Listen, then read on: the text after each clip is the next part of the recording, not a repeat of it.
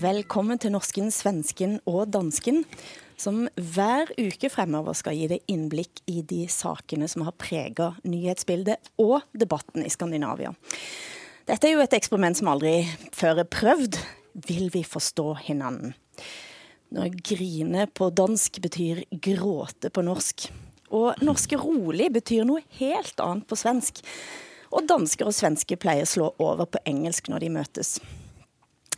Svenske Åsa Linderborg, kommentator og tidligere kultursjef i Aftonbladet, hører du meg? Jeg har det. Og fra København og DR-byen, Hassan Preisler, er du der? Jeg er her. Det er så fint. Og hvis dette lykkes, dette forsøket, så vil vi altså ha beredt grunnen for Kalmar Union 2.0, som er mitt hemmelige mål. og mitt navn er Hilde Sandvik, frifant og grunnlegger av broen XYZ. Men for svenske og norske lyttere, hvem er Hassan Preisler? Jamen, altså, jeg er oprindelig øh, uddannet skuespiller, altså skådis, mm-hmm. tror jeg det hedder på svensk i hvert fald. Nu ja, prøver jeg mig allerede med oversættelser.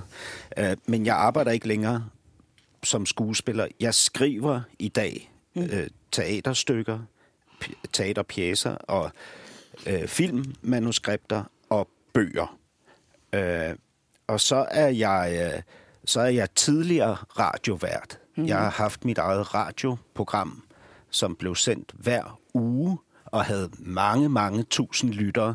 Men det program eksisterer ikke længere, fordi min radiostation er mm. blevet mm. lukket. Og det skal vi altså snakke lidt mere om. Men altså først, hvordan vil dine fiender beskrive dig, tror du?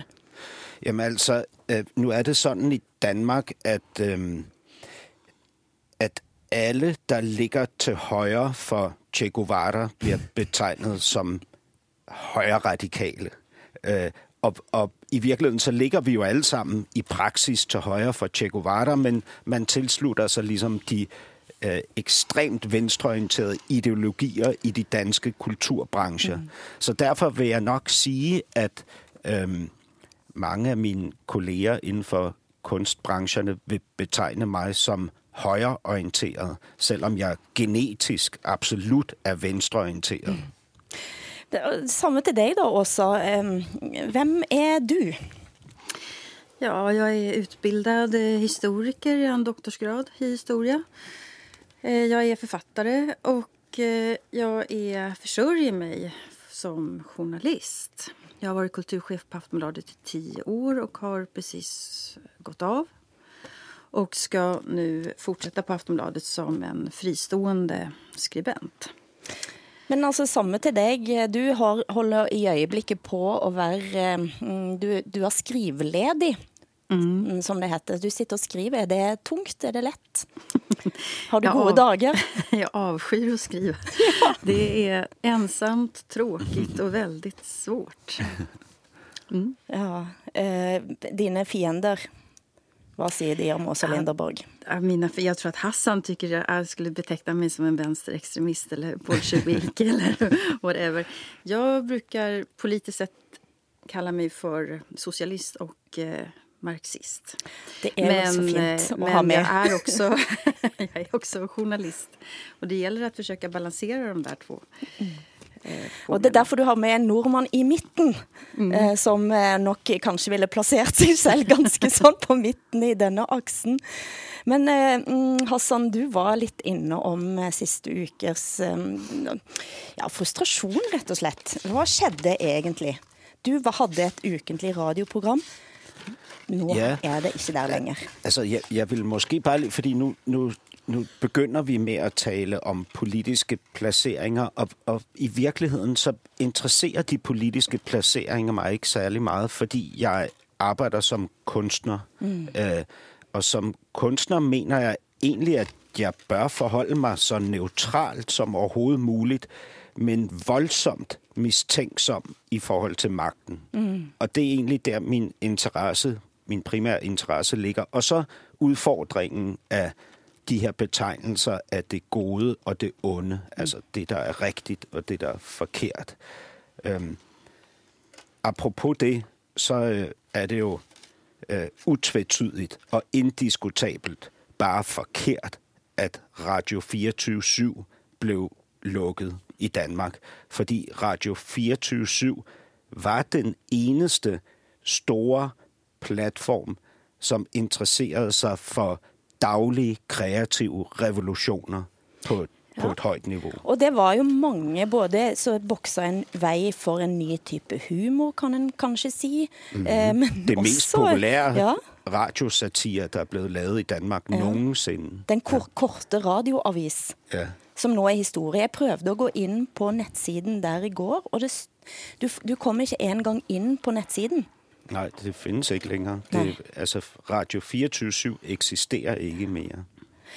Vi skal høre et lite klip fra en av de udsendelsene som virkelig skabte masse både bråk og diskussioner. Et lite klip med intervju med den store teaterdiva Gita Nørby. Hør her.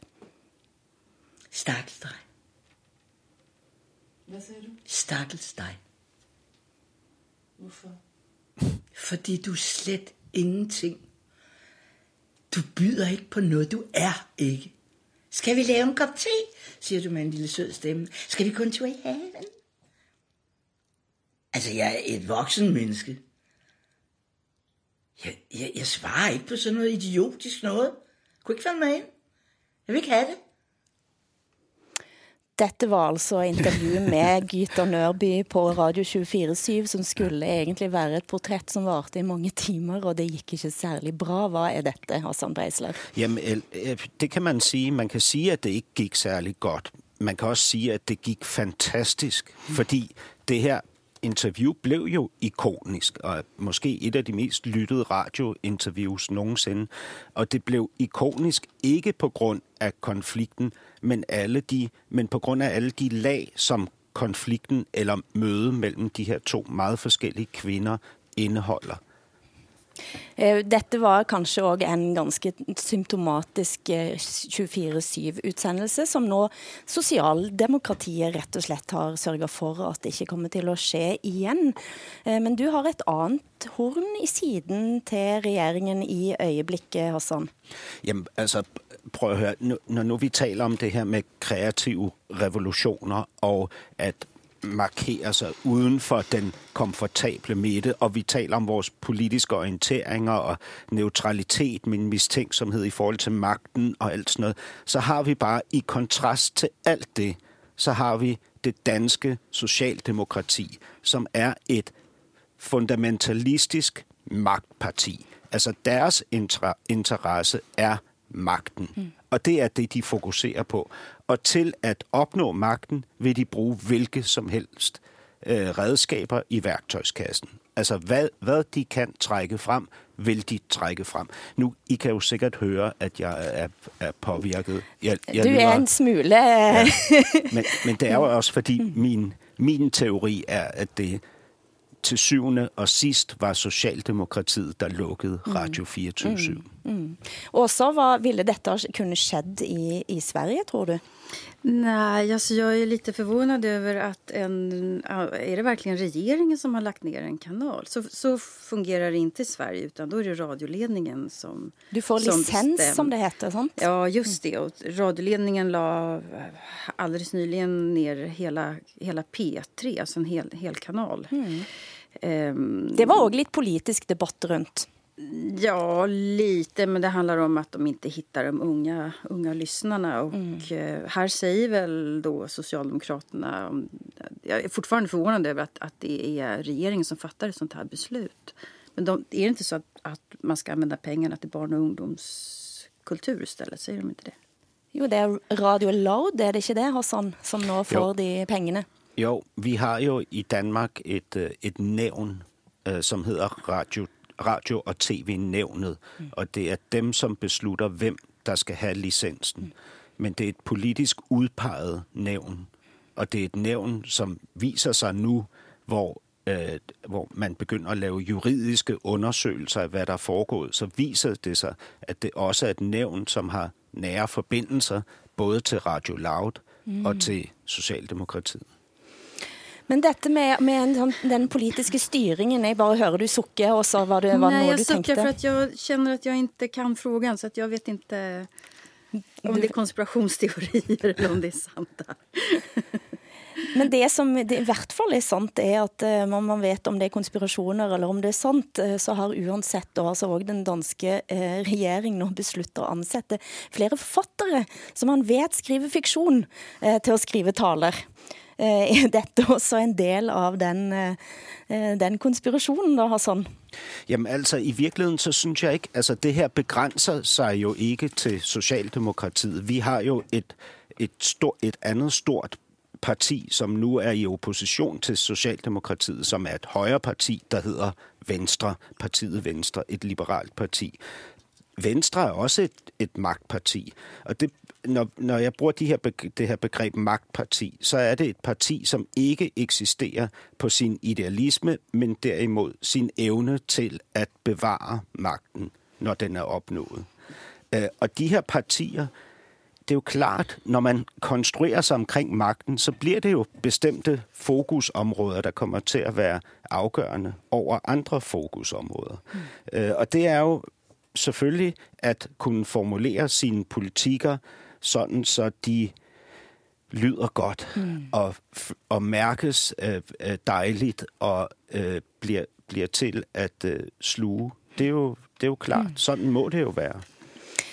Ja, alltså jag måste säga, den här kritiken eh, den förstår jag inte överhuvudtaget.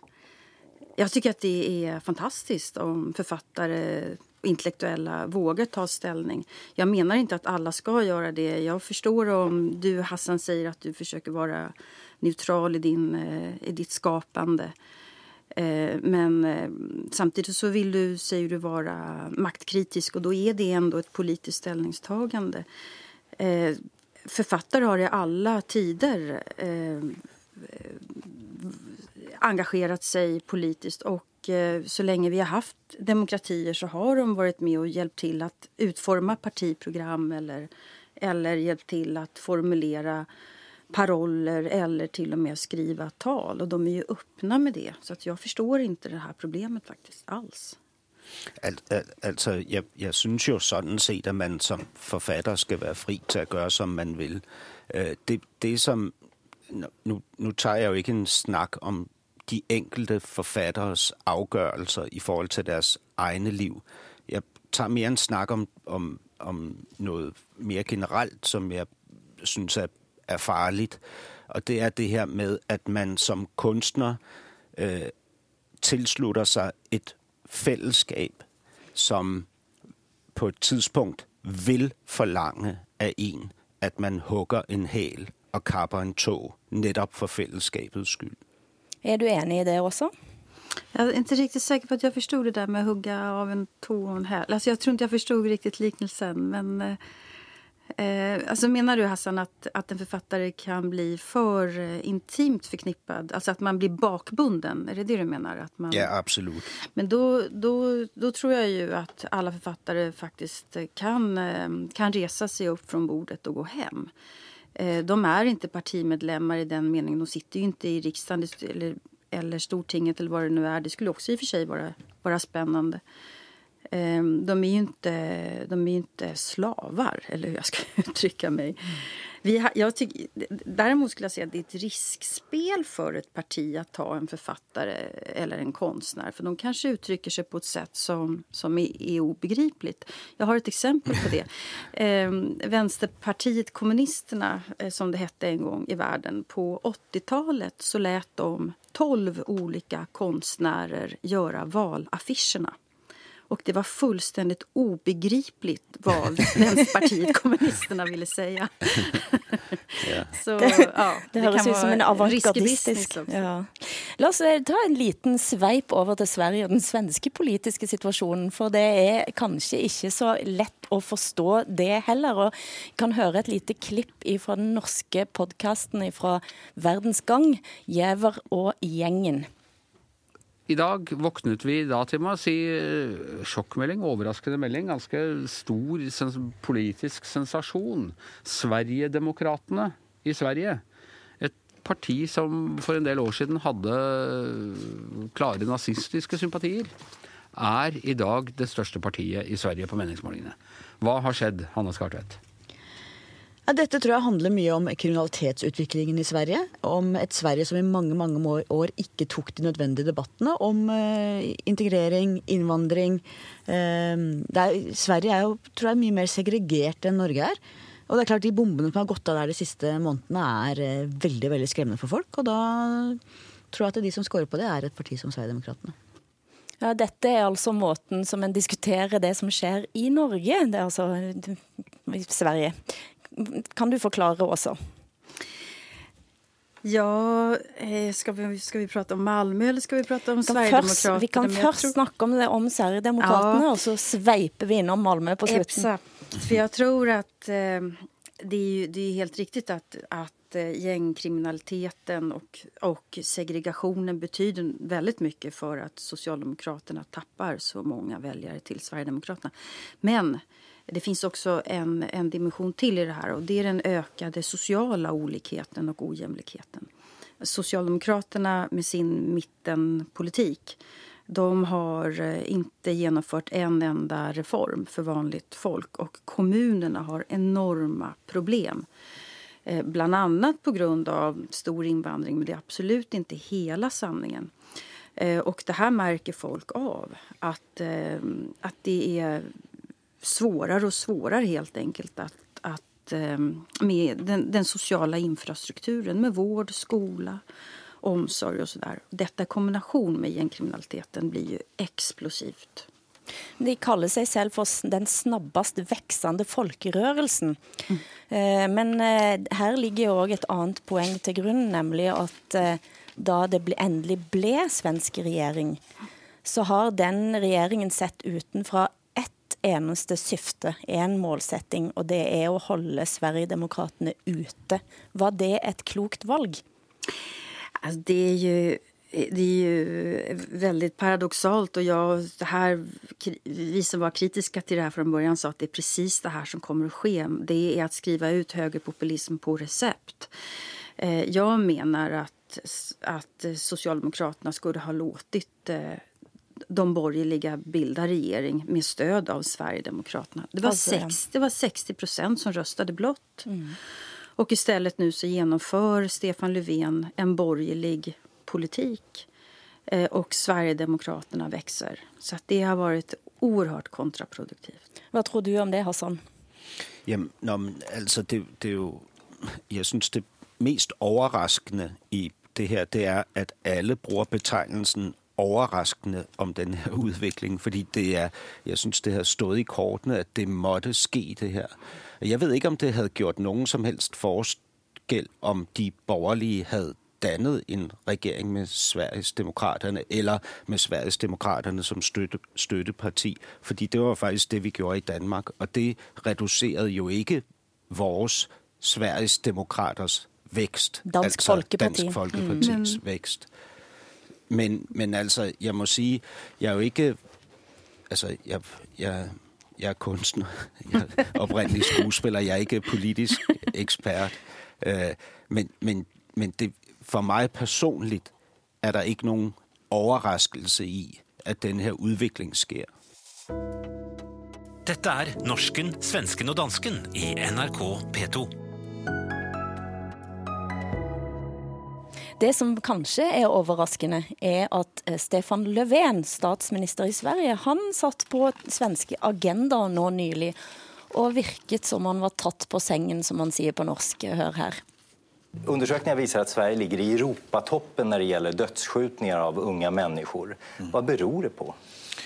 Var, om man går tillbaka eh, lite grann i, i tiden så, så, var Sverige förskonade från den här typen av, av brottslighet medan andra länder hade det problemet och då kanske vi inte riktigt såg det komma. Eh, nu har vi från dag ett när jag tillträdde arbetar vi med eh, just detta, se till att knäcka den organiserade brottsligheten. För nu sker ju dödandet ute på gator och torg. Men vad beror det på att just Sverige sticker ut här? Eh, som jag sa så tror jag att vi, vi, vi hade en annan, eh, ett annat dödligt våld i Sverige för som då har minskat. Medan andra länder hade den här typen av problem. Och vi såg nog inte det riktigt komma att, att också Sverige skulle kunna få den utvecklingen. Och det här är något som har, som har skett under, under lång tid. Så det... Varför har vi fått det då? Ja, ja, men, eh, återigen, vi har inte varit riktigt förberedda på att det också skulle kunna eh, drabba oss. Vi hade inte den typen av våld då, och då så, eh, men nu har vi det och det är därför vi måste bestämma oss. Och det gäller Men jag bara undrar, för mycket av både fattigdomen och utanförskapet och eh, gängbrottsligheten är ju eh, numera etnifierad. Det är, ju liksom, den är, den, eh, det, fin, det är mycket fler människor med utländsk bakgrund som både är fattiga och utsatta och som finns i de här gängen. Utav de- Kopplar du ihop invandringen med segregationen? När jag kopplar ihop, eh, som jag säger, segregationen beror på att eh, det är för låg sysselsättning, för hög arbetslöshet i, i de här områdena. Men det hade ju varit oavsett vem som hade bott. Och Om du så sätter människor som är födda i Sverige under samma förutsättningar så får du samma resultat. Vi så inte det här komma, säger Stefan Löfven tre gånger där. Tre gange. Ja, det Vad tänker du, Åsa Linderborg? Kanske burde han haft en författare att skriva talen för sig här. Jag hade kunnat hjälpt honom lite här. Nej, Det, det där var inget bra alls. Eh, Men man ser också att eh, socialdemokratiska ministrar är uppdelade i good cups och bad cups. Man tar Stefan Löfven, han pratar om sociala lösningar, att vi måste satsa på skolan och bostadsområdena och så vidare. Sen har vi en inrikesminister som heter Mikael Damberg. Han pratar bara om juridiska lösningar, hårdare straff och hårdare tag. Och så försöker de liksom vinna allas förtroende på de här båda, båda linjerna. Går, Det- Fungerar det? nej, det, nej, det går ju helt uppenbart inte. Och eh, det, är, det, det är ju dåligt av Stefan Löfven att inte tänka att nu måste jag erkänna att det här har att göra med att vi har en ny befolkningsstruktur i Sverige. Eh, vi, har, eh, vi har tagit in väldigt många människor och eh, vi, utan att ha en infrastruktur för att hantera alltihopa det här när det gäller bostäder, utbildning och arbete. Men det som sker nu i Malmö-regionen, men också i Göteborg och flera av de andra byarna, är, är ju inte knyttet till det som skedde i flyktingkrisen 2015, där folk som har bott mycket längre och kanske andra, tredje, fjärde generation. Eh, och bara låt oss höra ett lite klipp eh, som säger någonting om allvarlighetsgraden i Malmö. En 30-årig kvinna skjuts till döds på öppen gata. En 15-åring dödas utanför en pizzeria på Möllevången och en 24-åring mister livet i Nydala i vad poliser beskriver som en ren avrättning. De senaste åtta åren har 38 personer skjutits ihjäl i gängmord i Malmö. Men nu visar siffror från polisen att bara sex av morden har klarats upp. Statistiken får polisens gängexpert Gunnar Appelgren att konstatera det är förkastligt, vi måste bli bättre. Siffrorna med en uppklarningsprocent på 16 procent blir inte mer smickrande när de jämförs med mord utanför gängmiljön. Där klaras 90 procent av morden upp. Kan du förklara lite av detta bildet också?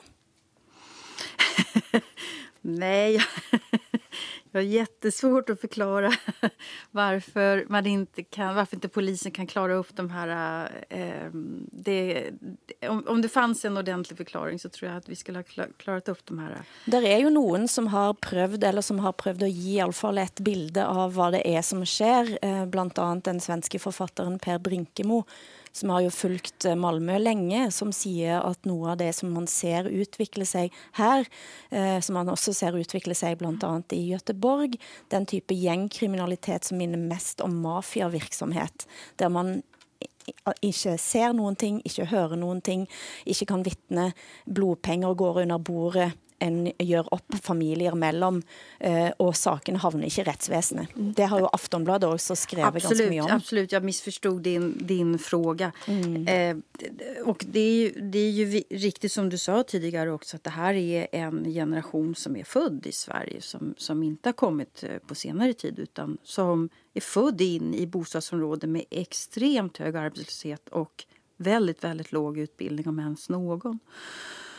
Och eh, det är barn också som blir eh, engagerade i de här eh, gängen. Och det, det, det är en sån tragedi så att det, så att det, är, det är fruktansvärt. Och en tystnadskultur i Mm. alltihopa. Men den tystnadskulturen har dess, den vært eh, resultat av måten medierne har behandlet disse sakene frem til nå?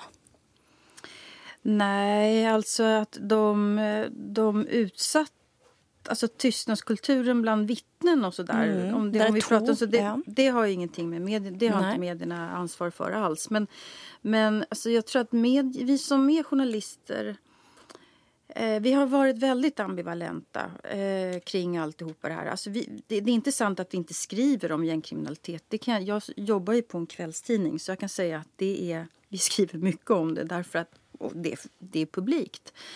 Eh, men däremot så, så har det varit politiskt skulle jag säga ganska svårt att, att diskutera de här frågorna därför att man vill inte peka ut vissa grupper eller man vill inte säga att det har att göra med etnicitet eller det är en förklaring att det har med kultur och etnicitet att göra. En annan förklaring att det har att göra med fattigdom och, och så vidare. Och det, det, där har vi varit otroligt valhänta. Det finns bara ett parti som har velat prata om det här och det är Sverigedemokraterna. Og det gagner de, det vinner de på nå. Oj, ja. Mm.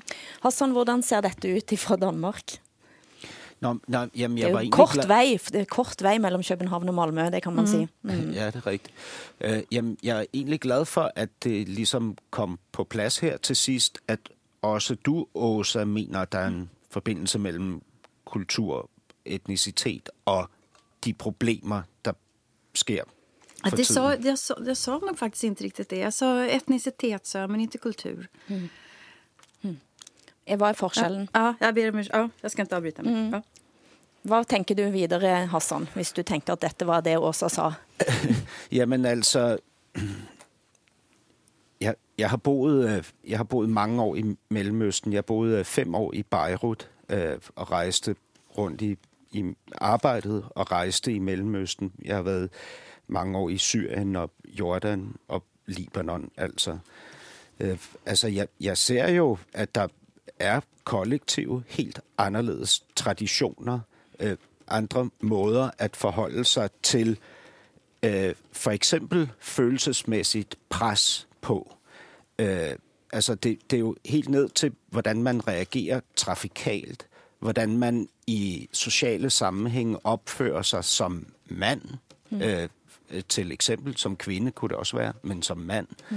øh, til øh, øh, hvordan man forhandler en kontrakt på plads, øh, hvordan man går på gaden, øh, hvem betaler på restauranten. Der er så mange traditioner, som er væsentligt anderledes. Og det er traditioner, som binder sig op på det mest fundamentale inde i os som individer. Og det er det, der handler om eksistens, altså skam eller stolthed, succes eller fiasko. Så du mener at en del av det som skjer i Malmø tar med sig noe fra et andet sted i verden? Absolut. Mm. Jeg, kan, jeg kan simpelthen ikke forstå, hvordan man kan sige andet end, at bestemte måder at reagere på kollektivt er kultur. Mm. Det er kultur. Mm, Jag tror vi pratar om lite olika saker här. För att, naturligtvis så är det skillnad på vad man har för syn på, på män och kvinnor i, i, i Sverige och i många, de flesta andra länder skulle jag säga. Eller på aggression. Ja, ja, det, det, kanske, ja det, det kan jag ingenting om. Det, eh, det, det, men det, vad jag tänker här i alla fall är att gängkriminaliteten som vi pratar om i Malmö den, har, den är ju inte kulturellt betingad. Det handlar ju om knark eh, och eh, revir och, och sådana saker. Och där kommer man in i de här gängen eh, lite oavsett vilken kultur du har. Det har att göra med eh, social desperation och, och fattigdom och vilka med- du ja. känner och var du bor någonstans tror jag. Nå sa jo til og med denne TV-verten på eh, Sveriges Television at ja, men det er jo veldig mange som lever fattig og som allikevel ikke begår drap eller kommer inn i denne type kriminalitet. De flesta gör ju inte det. Nei, de fleste gjør ikke det. Men du Hassan, du har jo bodd i, i området i København, der, der fakt, du har jo hatt gjengkriminalitet rett utenfor stuevinduet ditt. Ja. Eh, hvad bor, var det? Jeg bor der stadig. Jeg mm. bor fortfarande på, øh, på, øh, på Nørrebro, hedder det. Nørrebro er en, øh, hvad nogen vil kalde en multi, multikulturel bydel. Mm. Øh, altså det er både en bydel, hvor der er mange unge mennesker, mange børnefamilier, øh, og meget, et meget kreativt miljø, altså gallerier og caféer. Øh, og så er det et, øh, et område med, med øh, bander, øh, hvad hedder det, bander. Øh, og det, det betyder jo, altså der hvor jeg bor, der har vores gader været styret af en bestemt bande mm. over flere år. En bande, der hedder LTF, eller Loyal to Familia. Og de styrer, de styrer gaden på den måde, at de får beskyttelsespenge fra caféerne. Mm. Øh, de kontrollerer kioskerne og supermarkederne. Og de bestemmer, hvor jeg må kigge hen, når jeg går ned ad gaden. Hvis jeg kommer til at kigge et forkert sted, så kan jeg få alvorlige problemer. Altså med mit blik. Jeg, skal, jeg, skal, jeg må ikke kigge dem ind i øjnene. Øh, det er, det er et ekstremt niveau af social dominans, mm. der foregår ude i gader, som, øh, som er hjemsted for alle mulige forskellige mennesker, altså rigtig mange børnefamilier.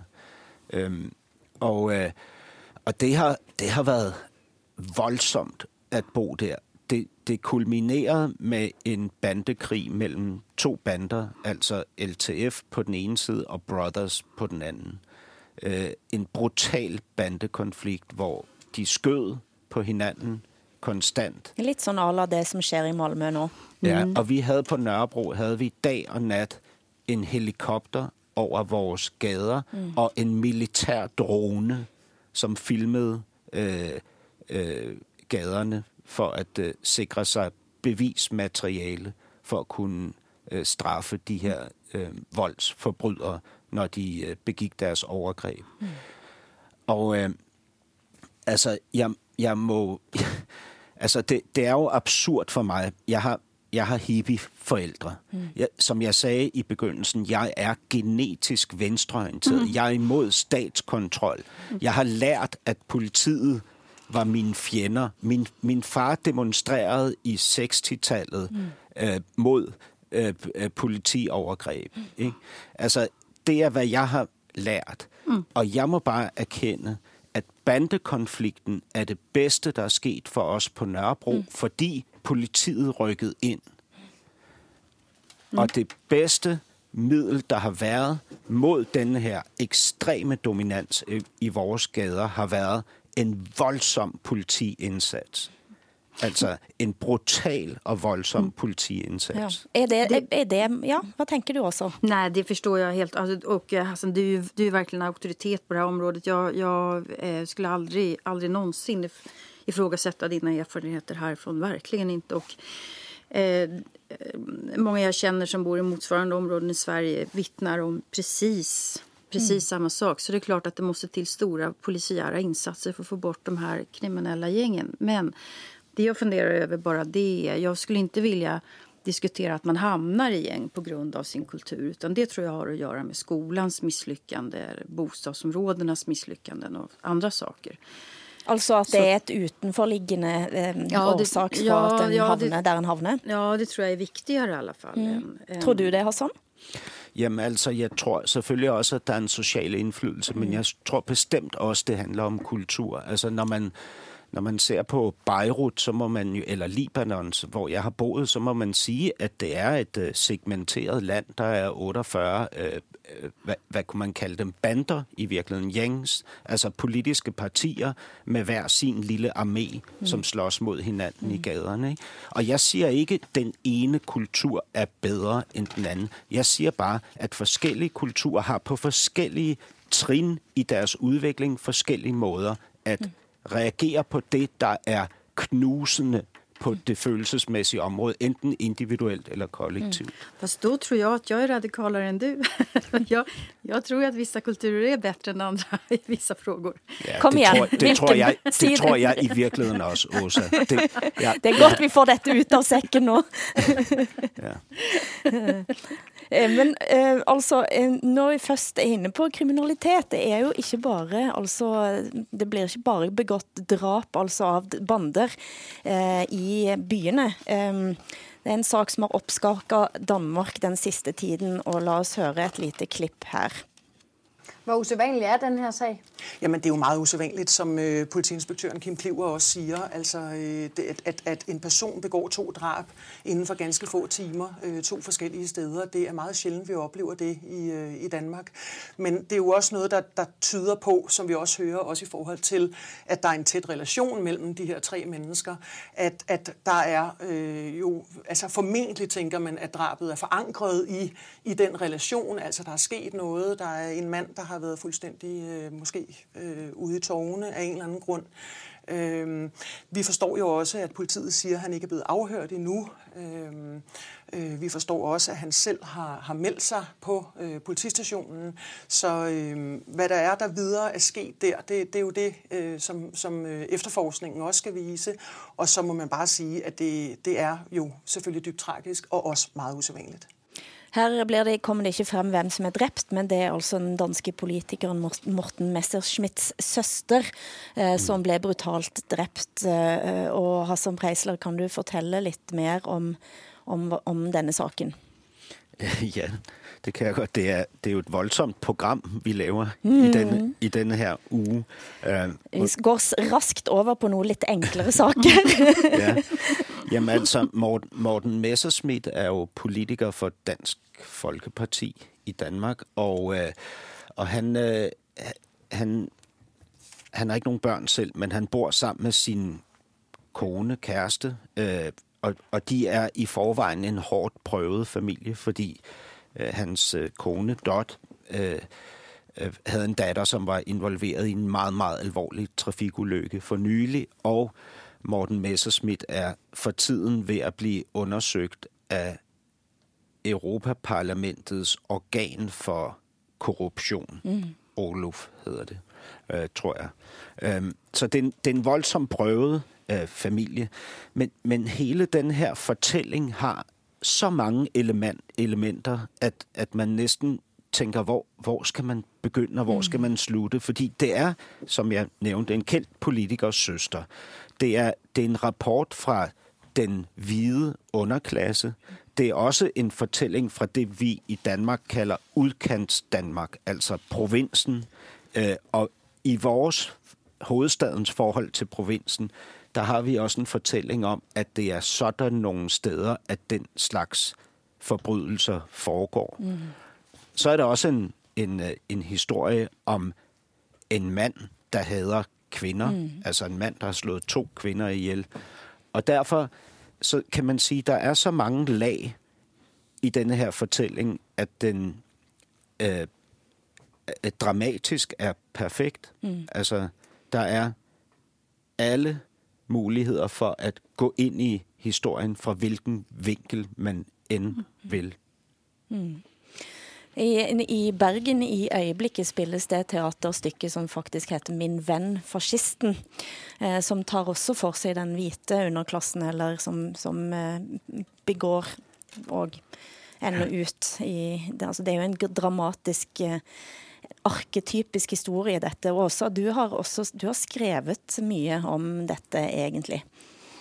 Ja, framförallt har Aftonbladet skrivit väldigt mycket om det här. Vi har i tio års tid granskat eh, dödligt våld mot, mot kvinnor och eh, en av reportrarna där, Kerstin Weigel, fick Stora journalistpriset för det. Vi, det här är ett exempel på, på eh, vit underklass det som vi hörde nu spelas upp. Mm. Men, men det här dödliga våldet mot kvinnor det är alla, alla män ur alla samhällsklasser och åldrar och kulturer eh, sysslar med sånt här. Och det vanligaste är att, att, att man dödar sin kvinna när hon har lämnat honom. Mm. Men jag kom att tänka på något som jag tyckte var intressant när jag hör det här nu. Det är eh, den här danska eh, författaren Sara Åmar mm. som har skrivit den här boken Dödsvaskaren heter det på, svensk, heter den på svenska. Dödstvätterskan tror jag kanske. Dödvaskaren på danska eller mm. norska. Mm. Jag träffade henne just i Bergen nämligen. Det var därför jag kom att tänka på, på henne nu. Och och hon kom ut med en ny bok förra veckan. Jaså, vad mm. roligt. För, ja, det var morsamt att höra. För, hur som helst, poängen är att hon berättade för mig att när boken kom ut i Sverige Alltså hon fick ju, den är översatt till hur många språk som helst. Hon har fått fantastiska recensioner överallt och framförallt att hon gör någonting viktigt här. Och i Sverige så har det varit knäpptyst. Det är bara Aftonbladet som har recenserat boken. Mm. Och när hon eh, var på en PR-resa eh, i Sverige för att göra reklam för sin bok så de enda frågor som hon fick var men det här är väl en bok som spelar Dansk Folkeparti i händerna eller Sverigedemokraterna mm. i händerna eftersom det handlar om hedersvåld eller äresdrap. Det här är så typiskt för hur Sverige fungerar att när vi pratar om om den här typen av frågor så vill vi gärna att det ska bara vara vita män som begår de här brotten. Mm. Det är intressant. Dette er Norsken, svensken og dansken i NRK P2. Vi kan snart gå videre på eh, faktisk en ny sak om hvite menn, da. eh, fra Danmark. Det er jo ingenting som er mer av en manneerfaring eh, enn hvis du blir hentet inn i frimurerorden eller frimurerlogen. Eh, og nå er deres ritualer blitt avslørt i Danmark. Eh, eh, la oss høre chefredaktøren i Ekstrabladet sin eh, intro til denne saken. Det her er frimurernes øh, hovedkvarter. Det er en kæmpestor bygning med Malteserkorset op på øh, flaget. Det har været sådan, at det hele har været omgivet af hemmelighedskræmmeri i overvis. Når vi er i stand til at fortælle, hvad det er, der foregår derinde i bygningen, så er det fordi, vi har adgang til tusindvis af dokumenter fra frimurerne. Og det er blandt andet noget af det, der er baggrunden for, at vi kan give dig og give hele befolkningen et detaljeret indblik i hele hemmelighedskræmmeriet. Nei, her jeg står får jeg nesten frysninger på ryggen. det høres veldig skummelt ut, dette, Hassan. Ja, jamen altså, det, det er jo fantastisk spændende. Nu, jeg, jeg har ikke haft adgang til de her dokumenter endnu, men jeg glæder mig meget til at læse de mange tusind dokumenter om frimurlogen. Ikke, ikke, så, ikke så meget, fordi jeg interesserer mig specifikt for frimurlogen, men fordi jeg interesserer mig mere end noget andet for, hvad fællesskaber gør ved individer.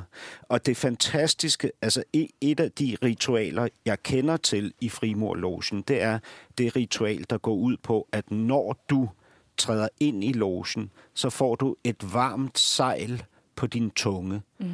Og det varme sejl på din tunge skal illustrere for dig, at du nu for altid skal tige stille om det, du ved om logen. Mm. Og det er jo ikke altså, prøv, nu, nu kunne jeg nemt sige, at den, den anden store institution i Danmark, der minder mig mest om frimurlogen, øh, at det vil være Socialdemokratiet. Og det, vil, og, og det vil være sandt i min bevidsthed.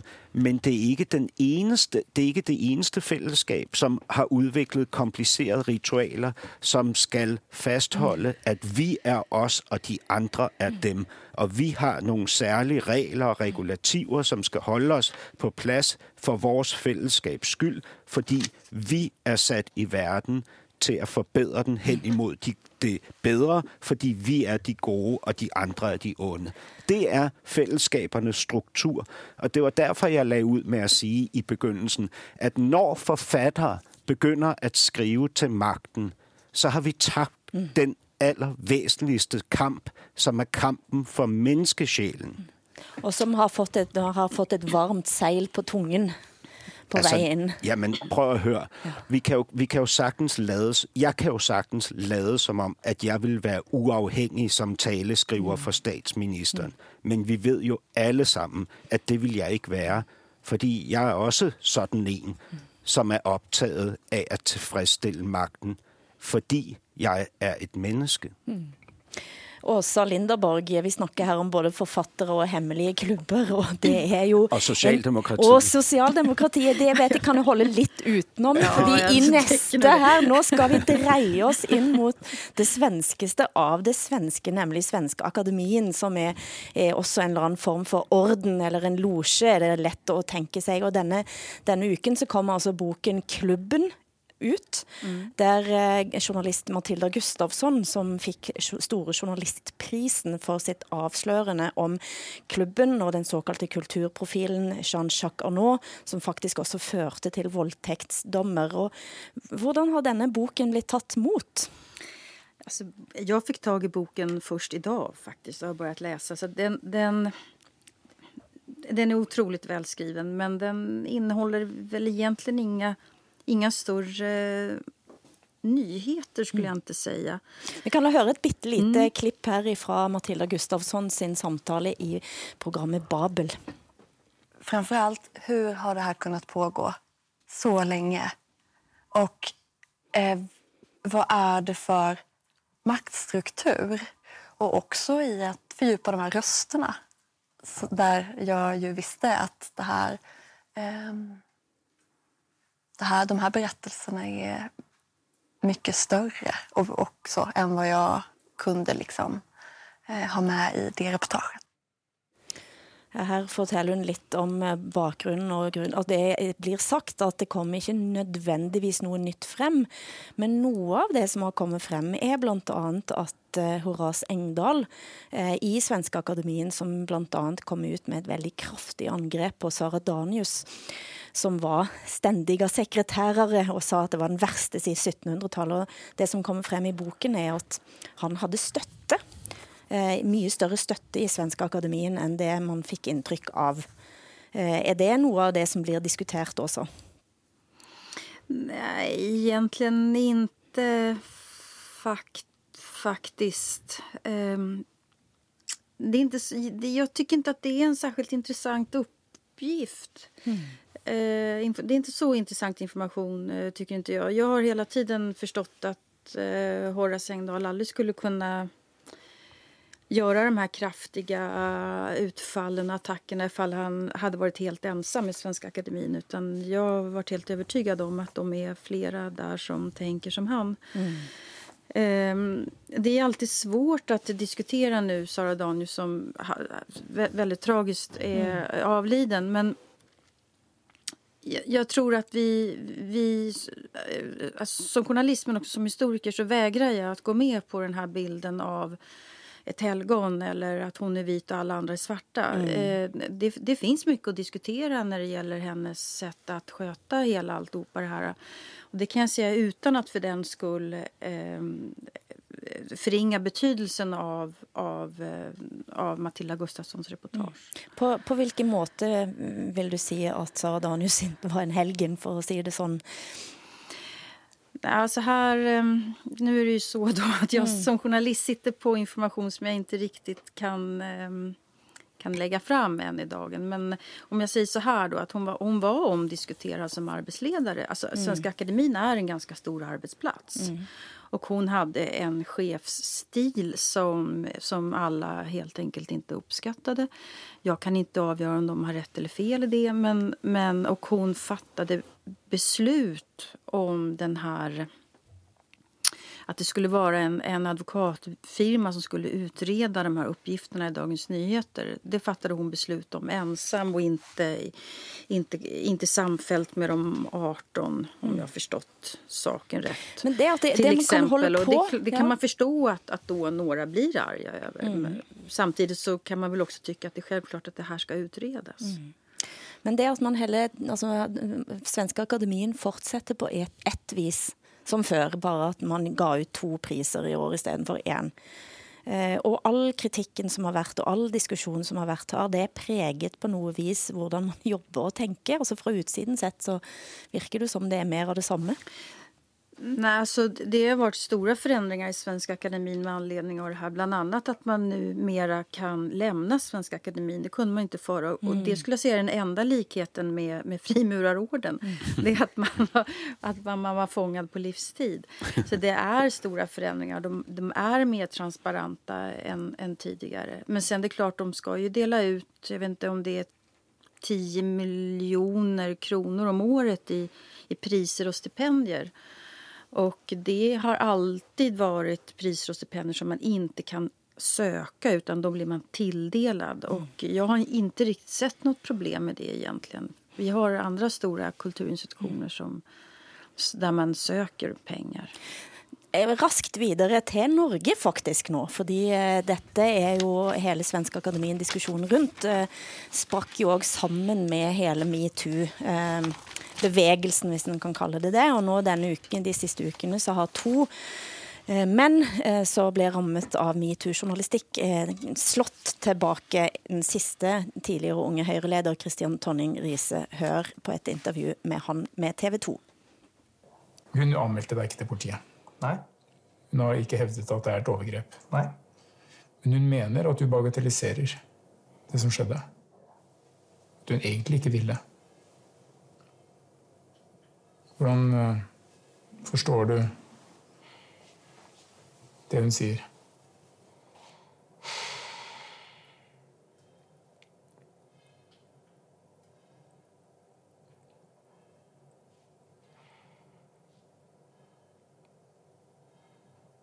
Jeg syns jo det er Jeg blir jo lei meg av å Av at hun har den opplevelsen av det. Eh, jeg kan jo ikke noe annet enn å beklage og si at det var forferdelig dumt for eh, danske og svenske lyttere. Dette er altså eh, unge Høyre, tidligere Unge Høyre-leder Christian Tonning Riise, som blir intervjuet av Gerhard Helskog, som har nesten slått seg opp på å intervjue menn som har vært utsatt for metoo-kampanje, eh, holdt jeg på å si. Men eh, mm, dette har òg ført til en diskusjon altså om mediene gikk for langt, og VGs sjefredaktør har gått ut og sagt at mm, ja, her er det noe å lære. Hva tenker du om det som tidligere kultursjef Åsa Linderborg? Du var også midt i denne stormen, kan man si, på mange vis. Ja, alltså min första text om metoo det handlar om att medierna gick allt för långt. Att vi anklagade folk som inte var dömda för någonting. Och eh, vi förlorade vår journalistiska instinkt eftersom vi sa att vi måste alltid lita på de här kvinnorna. Och så har det ju nu i efterhand visat sig att kvinnor har ljugit och män har eh, vunnit förtalsrättegångar. Eh, och på, på torsdag börjar rättegången mot Fredrik Virtanen som var den första första mitofallet vi hade i Sverige. Och det är alltså en förtalsrättegång där kvinnan som anklagade honom då står inför rätta. Och allting tyder på att han kommer att vinna den, den saken. Mm. Eh, Hassan, eh, hvordan ser dette ut eh, fra Danmark? Jamen, det er måske mere relevant at spørge mig, hvordan det ser ud fra... Øh, fra mand? ja, fra, fra, fra Y-kromosomets ja. side. Ja. ja. Mm. Jamen altså... Altså, det, det er jo, hvad hedder det, det her er jo en debat, som jeg igennem alle de år, den har raset, har øh, afholdt mig fra at deltage i og det er fordi den er, altså jeg, jeg bliver simpelthen for bange. Altså jeg bliver for, for red, red for at, at gå ind i debatten. Og sådan er det jo med debatter, hvor at man enten kan være with us og against us, som mm. Bush sagde, inden han gik ind i Irak. Uh, jeg, altså jeg, jeg har jo en eller anden offentlig profil, og derfor er jeg også personligt bange. Mm. Altså, jeg har jo øh, jeg har kvinder, jeg er stødt på i min karriere og i mit privatliv, hvor jeg garanteret har gået over nogle grænser. Øh, det, det, jeg, vil, jeg vil være overrasket, hvis det ikke var tilfældet. Mm. Samtidig så har jeg også kvinder, jeg har arbejdet med, som jeg har haft offentlige øh, konflikter med, eller private konflikter med. Jeg har været i parforhold med kvinder, som jeg siden fandt ud af, havde træk, der mindede mig om psykopaters. øh, og jeg må simpelthen sige, at uanset hvor angrebet kom fra, og uanset om det vil være øh, retfærdigt eller uretfærdigt, så frygter jeg den offentlige domstol meget, meget mere end den øh, juridiske domstol. Altså det at blive hængt ud på torvet, blive sat i en gabestok og få kastet rådne tomater og æg på sig. Mm. Det er det, jeg ligger søvnløs over om natten, når jeg øh, har mine katastrofetanker. Og din, hvad tænker du da også, når du hører dette? Ja, jag, jag, jag tänker att eh, det är samma sak i Sverige. Att eh, män som annars eh, brukar eh, ta för sig i debatter inte har vågat säga Mm. någonting när det gäller metoo. Og det, det gælder også Norge, kan man sige. Ja, och det är så Mm. sorgligt. Eh, därför att det här är ju en, en revolution som handlar om män, om Mm. mäns beteende. Och det är klart att vi måste höra männens perspektiv också. Det som er, det i alle fall nå, er at man skal høre flere perspektiver allerede næste uke. Norsken, svensken og dansken. Vi er ved veis ende. Lystigere tema næste gang. Eh, mitt navn er Hilde Sandvik, Åsa Linderborg og Hassan Preisler. Tusen takk til dere. Selv tak. Tack.